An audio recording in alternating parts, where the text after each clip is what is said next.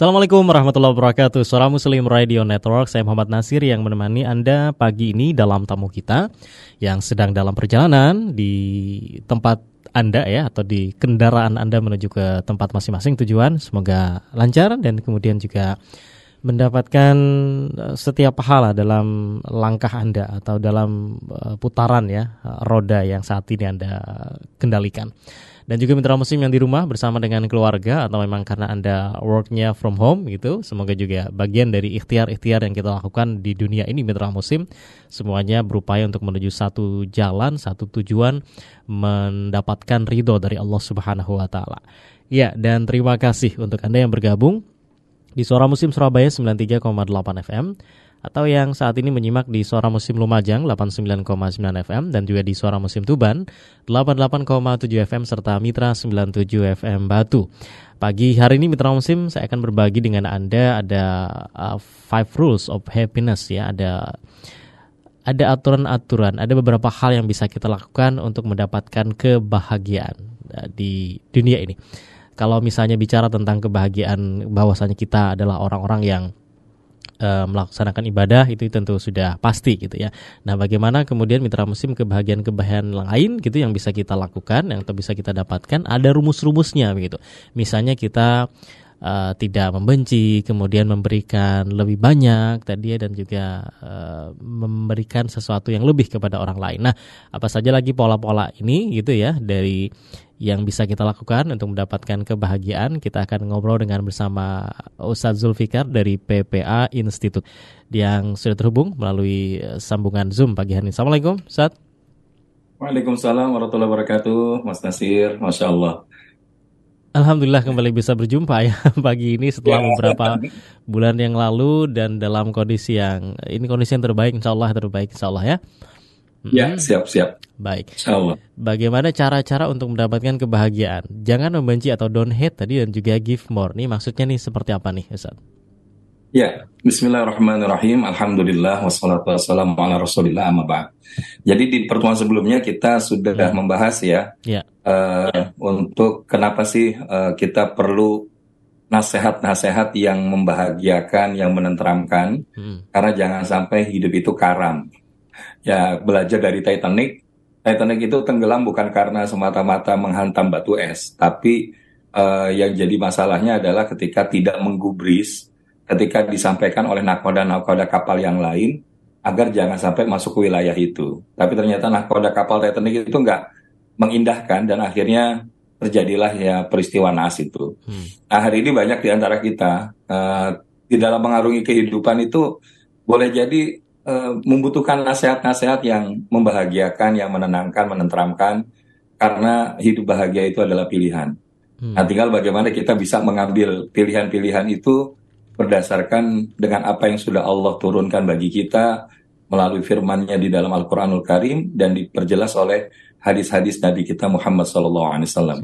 Nah, kemarin kita sudah bahas adalah poin yang pertama eh, bagaimana kita memaknai nasihat itu sebagai sebuah jalan ketenangan, jalan kedamaian, jalan ketentraman dan jalan kebahagiaan.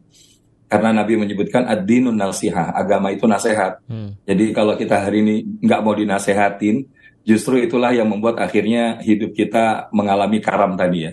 Dan hari ini banyak orang yang hidupnya sedang karam. Nah, apa saja yang uh, kemarin sudah kita singgung? Baru yang pertama yaitu don't worry, jangan khawatir. Hidup ini uh, lakukan apa yang bisa kita lakukan dengan uh, sekemampuan kita dan serahkan hasil dari apa yang kita lakukan itu hanya kepada Allah. Jadi bahasanya itu uh, penyebab orang khawatir biasanya karena ketakutan dan keinginan. Ya, ketakutan akan sesuatu yang belum terjadi ataupun keinginan yang belum tercapai.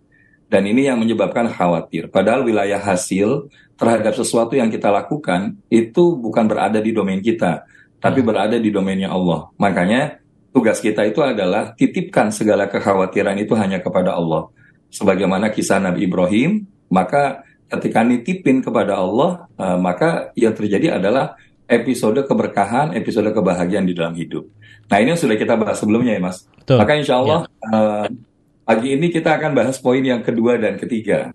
Yang kedua itu adalah don't hate. Hmm. Ya, jadi kalau yang pertama tadi adalah don't worry, ya. titipkan ya. segala kekhawatiran hanya kepada Allah. Yang kedua adalah don't hate, jangan membenci. Karena dalam ungkapan uh, Syekh Jalaluddin Rumi itu disebutkan bahwa yang hidup ini tinggal hanya separuh tarikan nafas. Jangan kita pakai untuk segala hal yang uh, istilahnya tidak mendatangkan kebermanfaatan buat kita. Dan bahkan Nabi SAW menyebutkan min husnil islamil mar'i tarku malayani. Di antara ciri kebaikan Islam pada diri seseorang itu adalah ketika dia meninggalkan segala sesuatu yang tidak bermanfaat. Nah, salah satu tidak bermanfaat apa? Ketika hidup itu dipenuhi kebencian. Hmm. Kenapa? Karena orang kalau punya kebencian itu, di antaranya dia akan mengeluarkan energi. Maka jangan sampai kita buang-buang energi untuk menebarkan kebencian. Hmm. Karena orang yang hatinya dipenuhi kebencian, maka di bumi mana pun dia akan merasakan kesempitan. Tapi sebaliknya, orang yang kemudian hatinya dipenuhi dengan kelapangan, maka di bumi mana pun dia akan merasakan kemudahan. Jadi hidup ini jangan dipakai buat membenci, karena kalau dipakai buat membenci, maka justru itu yang akan merugikan kita. Mungkin sebentar itu dulu, Mas. Baik, oke. Okay. Ya, ini dulu yang kita elaborasi nanti Ustadz ya. Dan uh, tadi saya di awal lupa menyebutkan dari Pola Pertolongan Allah PPA Institute, betul Ustadz Zulfikar ya. Ya, dan Betul. mitra musim uh, don't hate, jangan membenci tadi. Jangan sampai kita menghabiskan energi kita untuk membenci karena banyak hal yang harus kita berikan dengan cinta tadi ya justru energinya habis untuk membenci tadi. Dan itu sangat melelahkan sekali. Dan ini juga berhubungan dengan hati Ustadz ya.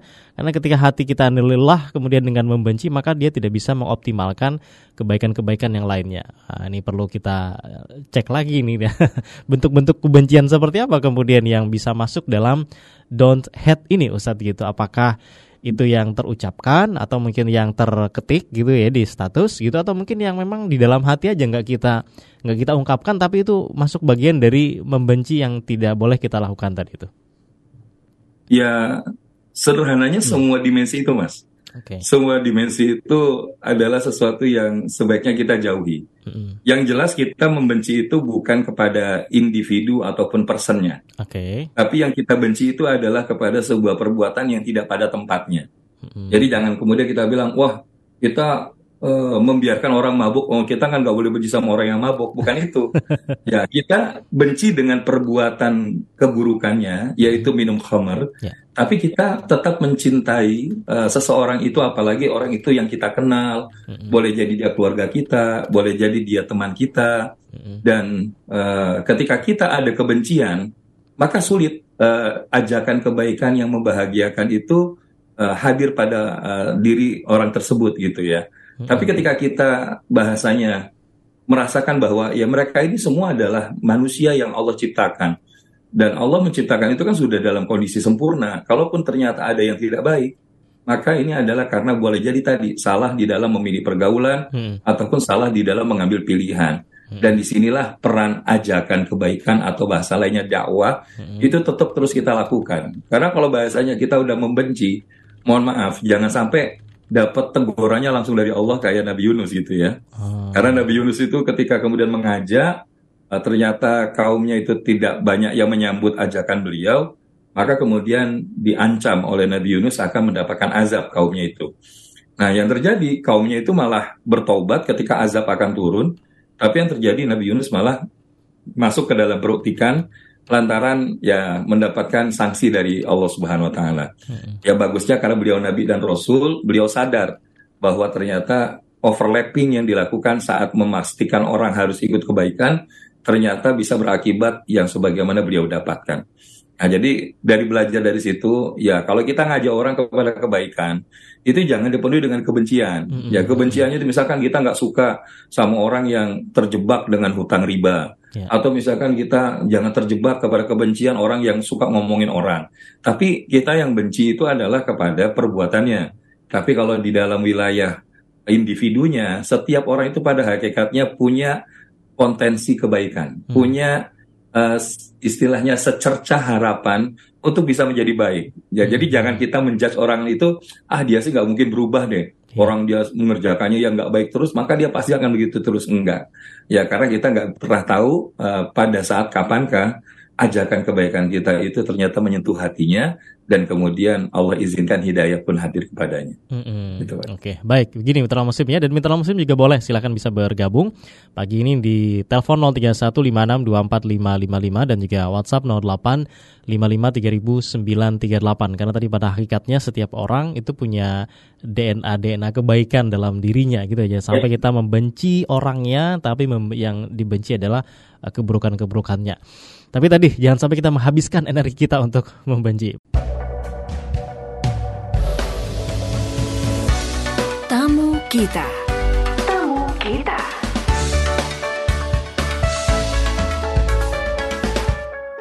Tema kita pagi hari ini Mitra Musim dalam tamu kita adalah Five Rules of Happiness ya. Ada uh, rules untuk mendapatkan kebahagiaan. Nah, yang kita bahas di hari ini adalah don't hate tadi eh, jangan membenci, kemudian uh, Give More. Yang Give More masih belum kita diskusikan. Bersama Ustadz Muhammad Zulfikar dari PPA Institute yang komentar di WhatsApp Ustadz yang menyampaikan uh, memang kita itu kalau benci itu memang menguras energi gitu Ustadz ya, tapi kita kan manusia bukan malaikat. Jadi untuk memaafkan itu mungkin agak agak bisa, tapi sulit untuk melupakan kelakuannya. Apalagi orang-orang yang nyata-nyata sudah uh, quote ya mengganggu kehidupan rumah tangga. Jadi kayak benci banget sama orang ini gitu ya. Tadi, nah kalau yang seperti ini nih uh, bentuk uh, memaafkan boleh bisa nggak kalau yang seperti ini nih Ustadz kalau kasus beliau ini dari tidak menyebutkan nama ya di Surabaya. Ya. Hmm. Baik, Bismillahirrahmanirrahim. Kalau pada dasarnya Allah menciptakan segala sesuatu itu nggak mungkin sia-sia. Hmm. Ya, termasuk kejadian apa pun itu tidak serta merta hanya kebetulan. Kalau ada orang yang berbuat nggak baik sama kita, terus kita bilang wah saya benci banget sama orang itu, uh-uh. masa nggak ada saya kok diterikung di tengah jalan misalkan. Uh-uh. Karena bisa jadi bukan tidak mungkin itu adalah episode kebaikan hmm. yang sedang Allah berikan kepada kita. Jadi kalau dalam bahasa Al-Qur'annya itu wa'asa an takrahu syai'a wa huwa khairul lakum. Hmm. Wa'asa an tuhibbu syai'a wa huwa syarrul lakum. Dan ada yang menurut kalian itu kalian gak suka, padahal menurut Allah itu yang terbaik.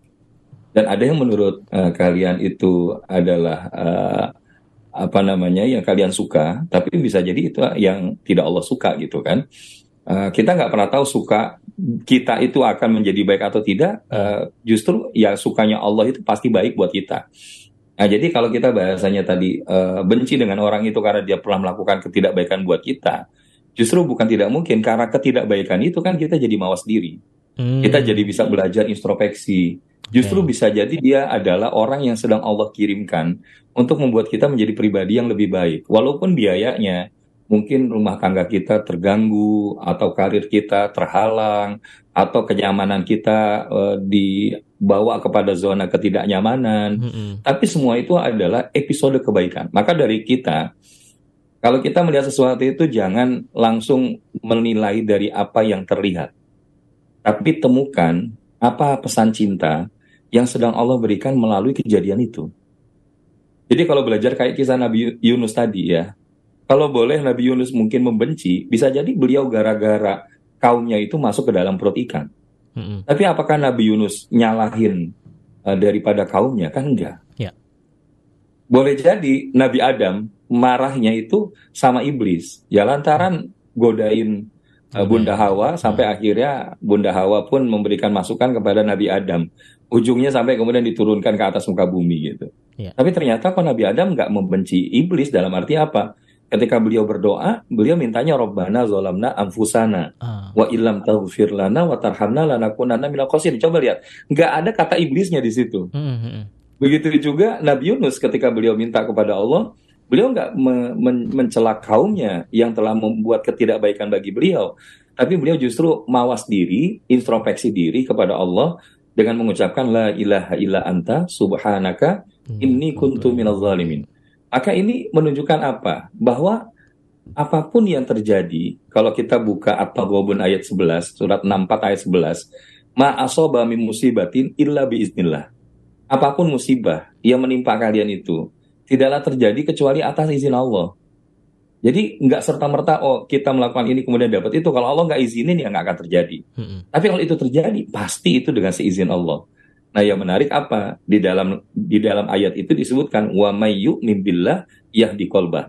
Dan siapa yang kemudian dia beriman kepada Allah, Allah akan bimbing hatinya.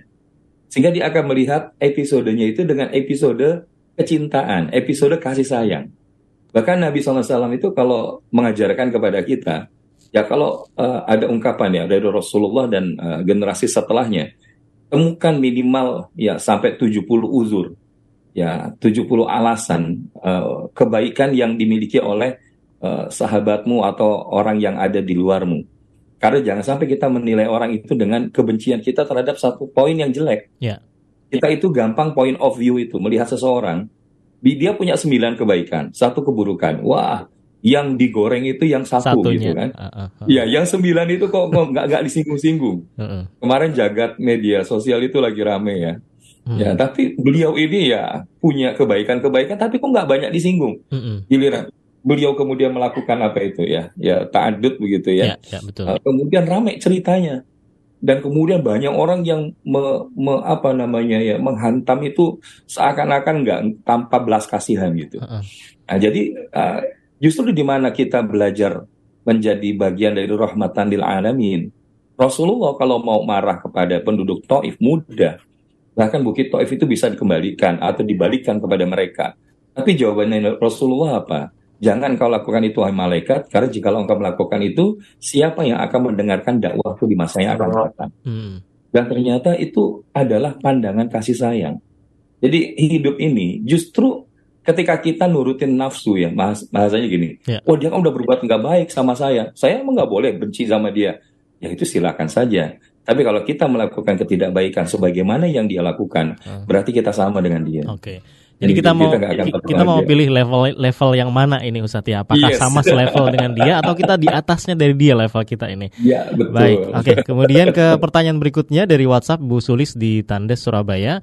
Ustadz bagaimana cara bersikap dengan orang yang selalu menilai orang lain itu sikapnya tidak bisa berubah selamanya. Jadi udah ya tadi sudah menganggap orang lain tuh udah nggak bisa berubah lagi sehingga saat ini buruk ya dianggap buruk selamanya. Ya, uh, masalah penilaian ini kan subjektif. Hmm. Nah, kalau kita bahasanya menyandarkan penilaian itu hanya sebatas pandangan makhluk, maka sampai kapan pun kita nggak akan pernah bisa mencukupkan uh, sebagaimana keinginan pandangan orang lain terhadap kita ataupun kita terhadap orang lain. Yang menjadi standar kecukupan itu adalah ketika kita menjadikan penilaian itu standarnya adalah standar penilaian dari Allah hmm. dan Rasulnya. Jadi kalau menurut Allah dan Rasulnya baik, walaupun orang itu kelihatannya nggak baik, tapi bisa jadi dia lebih utama daripada orang yang nilai baik, tapi sebetulnya tidak memenuhi standar kebaikan Allah dan Rasulnya. Nah, jadi eh, bagaimana agar kita ketika melihat orang lain yang memberikan standar penilaian, ya itu balik lagi, itu haknya beliau. Hmm. Ya, haknya kita apa? Haknya kita adalah memberikan respon. Nah, kalau bahasanya memberikan respon, tadi, mana yang kita mau pakai? Filosofi mata lalat atau mata lebah? Kalau mata lalat kan bahasanya kita akan selalu menemukan sampah walaupun di taman bunga gitu ya. Hmm. Tapi kalau yang namanya mata lebah, menemukan bunga walaupun diberikan tumpukan sampah. Artinya apa? Kita akan selalu melihat kebaikan-kebaikan dari apa yang Allah berikan kepada dirinya sehingga insya Allah itu yang akan lebih membahagiakan. Hmm. Ya, dan kalaupun ada orang yang memberikan penilaian ya sekali lagi itu hak mereka. Tugas kita adalah melakukan yang terbaik dan kemudian menyerahkan hasilnya itu sepenuhnya kepada Allah.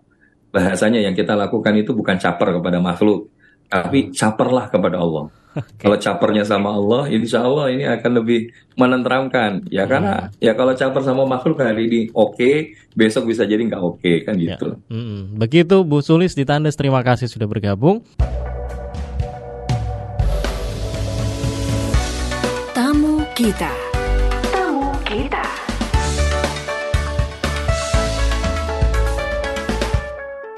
Nah, kalau uh, masuk ke poin berikutnya, Ustadz, give more atau masih ada lagi yang dari Don't Hate ini mau disampaikan? Uh, terima kasih, Mas yeah. Nasir. Jadi, uh, sebagai kunci dari Don't Hate itu hmm. ada satu ungkapan dari Sayyidina Ali. Yeah. Bagaimana kita bisa menjalaninya ya? Ya, jadi kalau beliau memberikan nasihat kepada kita, jangan membenci siapa pun, tak peduli seberapa banyak kesalahan yang mereka lakukan terhadapmu. Tetaplah jalin hubungan, dengan orang-orang yang telah melupakanmu. Maafkanlah orang yang berbuat salah padamu dan jangan berhenti mendoakan yang terbaik untuk orang yang kau sayangi. Hmm. Nah inilah uh, spirit don't hate yang kita bawa. Jadi ya kalau hidup itu dipenuhi kebencian, ya kita melihat kesalahan itu akhirnya mudah emosi dan akhirnya kita bisa jadi keras hati.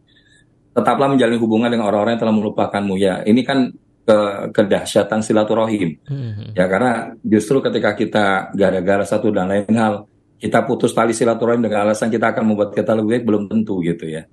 Justru maafkanlah orang yang berbuat salah padamu karena ya ciri orang bertakwa itu salah satunya adalah mudah memaafkan. Hmm. Dan jangan berhenti mendoakan yang terbaik untuk orang yang kau sayangi. Jadi bahasanya kita terus mendoakan kebaikan-kebaikan kepada orang-orang di sekeliling kita, termasuk orang-orang yang membenci kita. Hmm. Ya, karena jangan sampai ya tadi ini pilihan balik lagi kita mau sama dengan mereka atau kita bisa menjadi orang yang jauh lebih baik. hmm Nah ini sebagai pengunci dari Don't Hit ya, uh, Mas Nasir. Ya, Ustaz Jadi, ada perta- uh, ya, ini pengunci ada pertanyaan sebagai pertanyaan pengunci juga ya. Masya Allah. Dari ya, WhatsApp di apa Eko ya menanyakan tentang Ustadz kalau misalnya nih kita dizolimi uh, seseorang hmm. ditipu hmm. gitu ya ditipu Kemudian kita laporkan ke polisi dan ketika hmm. kita lapor tentu menyebutkan kejelekan-kejelekan dia. Ya. Nah, ini apakah bagian dari membenci seseorang tersebut? Dan ketika kita memberi tahu hmm. orang-orang lain agar tidak tertipu dengan orang itu, jadi kan kita ngasih tahu kejelekan-kejelekannya nih ya kepada orang lain, bukan polisi tapi yang kayak ke yang lain, mungkin saudara atau teman. Ini apakah bagian dari tadi membenci dan juga kita masuk dalam uh, dosa seperti itu? Ya, ini tipis dengan waspada ya. Hmm. Jadi antara waspada dengan membenci itu tentu berbeda. Kalau membenci itu pokoknya tadi ngelihatnya yang jelek aja. Hmm. Nah, kalau misalkan tadi dibutuhkan pelaporan di uh, aparat kepolisian, kita harus menceritakan secara objektif, ya sampaikan. Ya kulil haqqa walau kana muron. Katakan yang benar walaupun itu pahit. Dan ketika kita kemudian meluaskan kepada orang-orang sekeliling kita, berhati-hatilah terhadap bapak atau ibu fulan-fulanah Hmm. Karena ya kemarin saya ada tersangkut kasus begini begini begini begini, maka itu sebagai bentuk mawas diri nggak apa-apa. Tapi kita nggak perlu dengan kebencian, bahkan bahasanya kita siarkan di media sosial kita, hmm. kita luaskan kepada orang yang nggak perlu tahu untuk uh, bahkan berinteraksi dengan dia. Uh, namun kalau kita akhirnya terlalu jauh, maka akhirnya kita juga terlalu sibuk mikirin dia. Padahal bisa jadi dia sendiri tidak sibuk mikirin kita kan. nah, jadi ala hal ya lakukan uh, se sepantasnya, hmm. secukupnya sesuai dengan apa yang dibutuhkan. Hmm. Sehingga tidak terjebak kepada subjektivitas yang akhirnya membawa kita bahkan menjadi uh, energi kebencian hmm. seperti itu. Baik, begitu Pak Eko, terima kasih sudah bergabung. Dan kalau bicara tadi ke poin yang give more, itu kan yang selama ini ya. yang familiar dengan kita itu kan ada take, kemudian give gitu saat ya, Mem ya. mengambil, kemudian memberi. Ini harusnya hmm. dibalik beri dulu baru ngambil atau beri beri beri terus nggak usah ngambil atau gimana dengan poin give more ini nih? Ya kalau di bukunya Adam Grant itu yeah. disebutkan ya orang yang uh, give and take hmm. ya kemudian uh, take taking more gitu ya itu ternyata dalam jangka panjang ini berpotensi mengalami hambatan untuk sukses. Hmm. Ya, pertama kalau bahasanya uh, kita berpikir, oh saya akan mendapatkan sesuai dengan apa yang saya berikan. Ini kan ujungnya bisa jadi transaksional. Ya, ya, ya. Ya, bahkan kalau misalkan dia hanya berpikir apa yang saya terima saja gitu tanpa mau memberi, itu kan akhirnya jadi egois, selfish. Hmm. Nah, justru dalam jangka panjang orang yang berhasil itu adalah ketika dia mampu selalu memberikan. Kalau praktek di kelas itu, kita ada latihan namanya games permen gitu ya.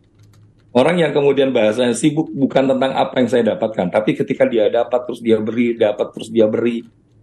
Itu bahkan pada akhirnya dia mendapatkan jumlah yang unlimited dibandingkan daripada sekedar berhitung berapa yang saya terima atau apa yang saya terima. Apalagi kalau sampai muncul motif wanipiro. Hmm. Nah ini bahaya. Kalau sudah melakukan segala sesuatu, ukurannya buat saya berapa? Maka sejauh dalam wilayah profesionalitas kan itu memang ada hak dan kewajiban. Hmm. Tapi lebih daripada itu, yakinilah bahwa keadilan Allah itu uh, matematika Allah itu kan berbeda dengan matematika manusia. Yeah. Kalau matematika manusia ketika 10 kurang satu ya 9.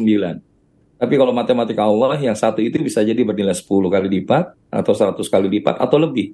Sehingga bisa menjadi 19 atau jangan-jangan bisa menjadi ya 109 kan begitu. Hmm.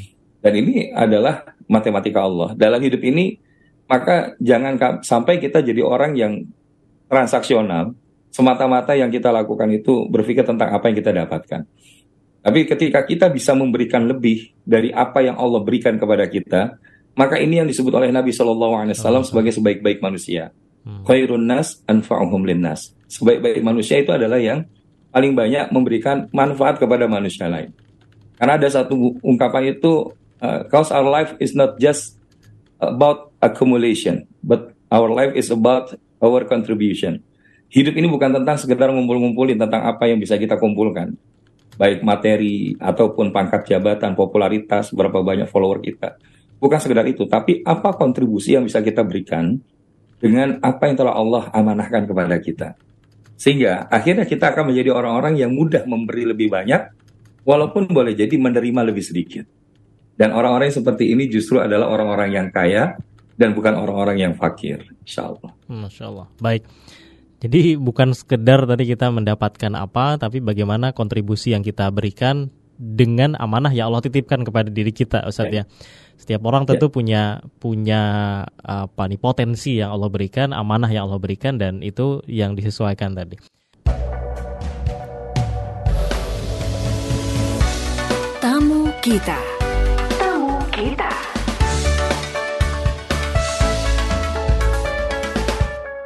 Uh, sekarang ini Ustadz, banyak itu orang yang merasa atau mungkin uh, generasi-generasi Z dan sebagainya ini yang merasa dia tuh tidak bisa berkontribusi karena karena merasa dia tuh tidak memiliki apa-apa untuk di, di dikontribusikan gitu. Jadi merasa tidak memiliki something sesuatu gitu ya yang bisa dikontribusikan kepada orang lain. Nah ini kalau seperti hmm. ini pola pikirnya nih gimana nih Ustaz? Ya, kalau pola pikirnya berarti yang harus dibangun adalah Allah memberikan kita itu segala sesuatunya itu sudah sudah terukur ya. Hmm dan sudah tertakar nggak mungkin tertukar kan begitu ya. ya. Dan Allah memberikan segala sesuatunya itu uh, seimbang, ada atas, bawah, ada langit, bumi, ada kiri, kanan, ya, ada kaya, tapi bukan miskin ternyata ya. Hmm? Kalau di dalam Al-Quran itu huwa agna wa akna. Oh, ya Allah okay. yang maha kaya dan mengayakan atau mencukupkan. Jadi nggak mungkin uh, bahasanya itu kalau orang Muslim itu jadi orang miskin, jadi mustahil miskin kalau bahasa sebagian guru yang lain.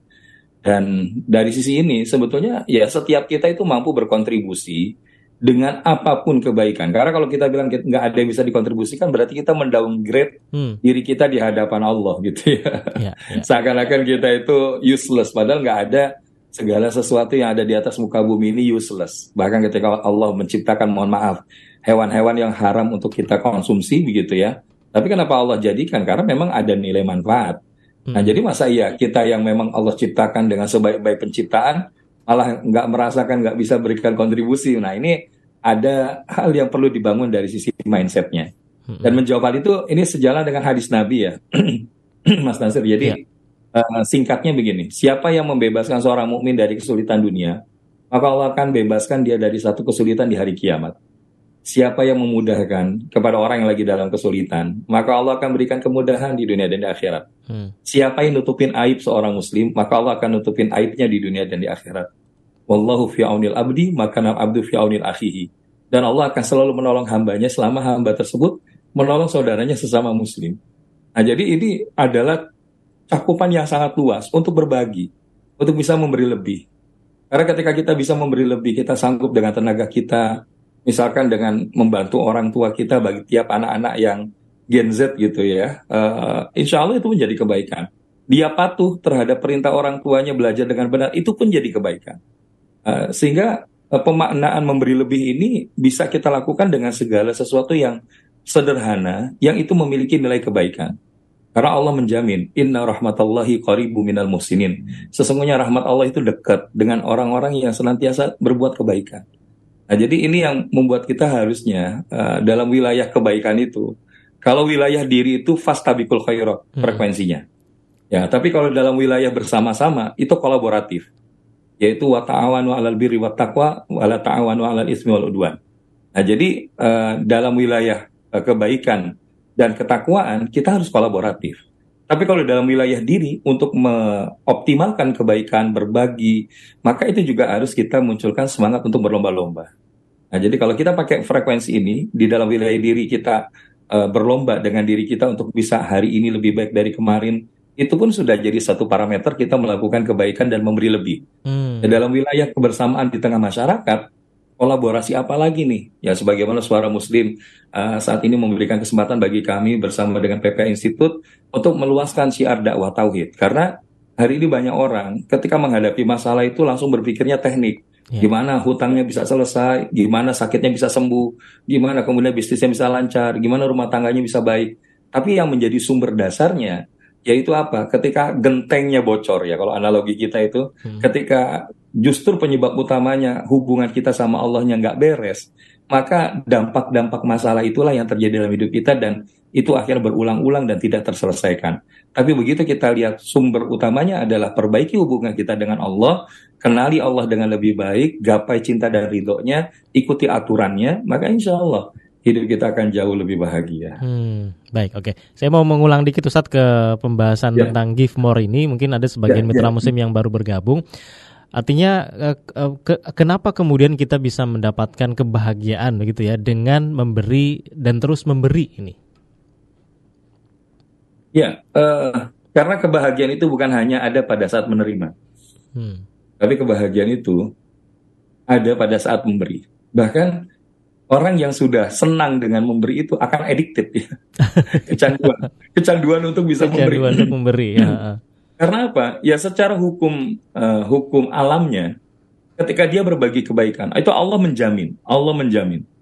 Ya, in ahsantum ahsantum li anfusikum wa in asatum fala. Ini jaminan Allah. Jikalau kalian berbuat kebaikan, maka kebaikan itu akan kembali lagi kepada kalian. Hmm.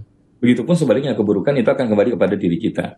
Jadi kalau kita sibuk berbagi kebaikan, memberi lebih, maka sebenarnya bukan kepada orang lain semata-mata, tapi sebetulnya kita sedang bangun jalan bahagia untuk diri kita dengan keridoannya Allah gitu. Hmm, hmm, nah, jadi itu itu berlaku makanya bahasanya orang yang uh, tidak beriman kepada Allah sekalipun selama dia berbuat kebaikan atau dalam bahasa lain filantropi uh, uh. atau dia berbagi uh, apa namanya kebaikan-kebaikan ya Bill Gates, ya kemudian Mark Zuckerberg ataupun ya para pengusaha papan atas di dunia, mereka punya termasuk para atlet itu ya kebaikan itu akan kembali lagi kepada mereka. Tapi yang menarik bagi orang beriman, pahala kebaikan itu tidak akan berhenti sampai di dunia. Hmm. Nah, kalau kita berbagi lebih, justru itu yang tadi kita sampaikan.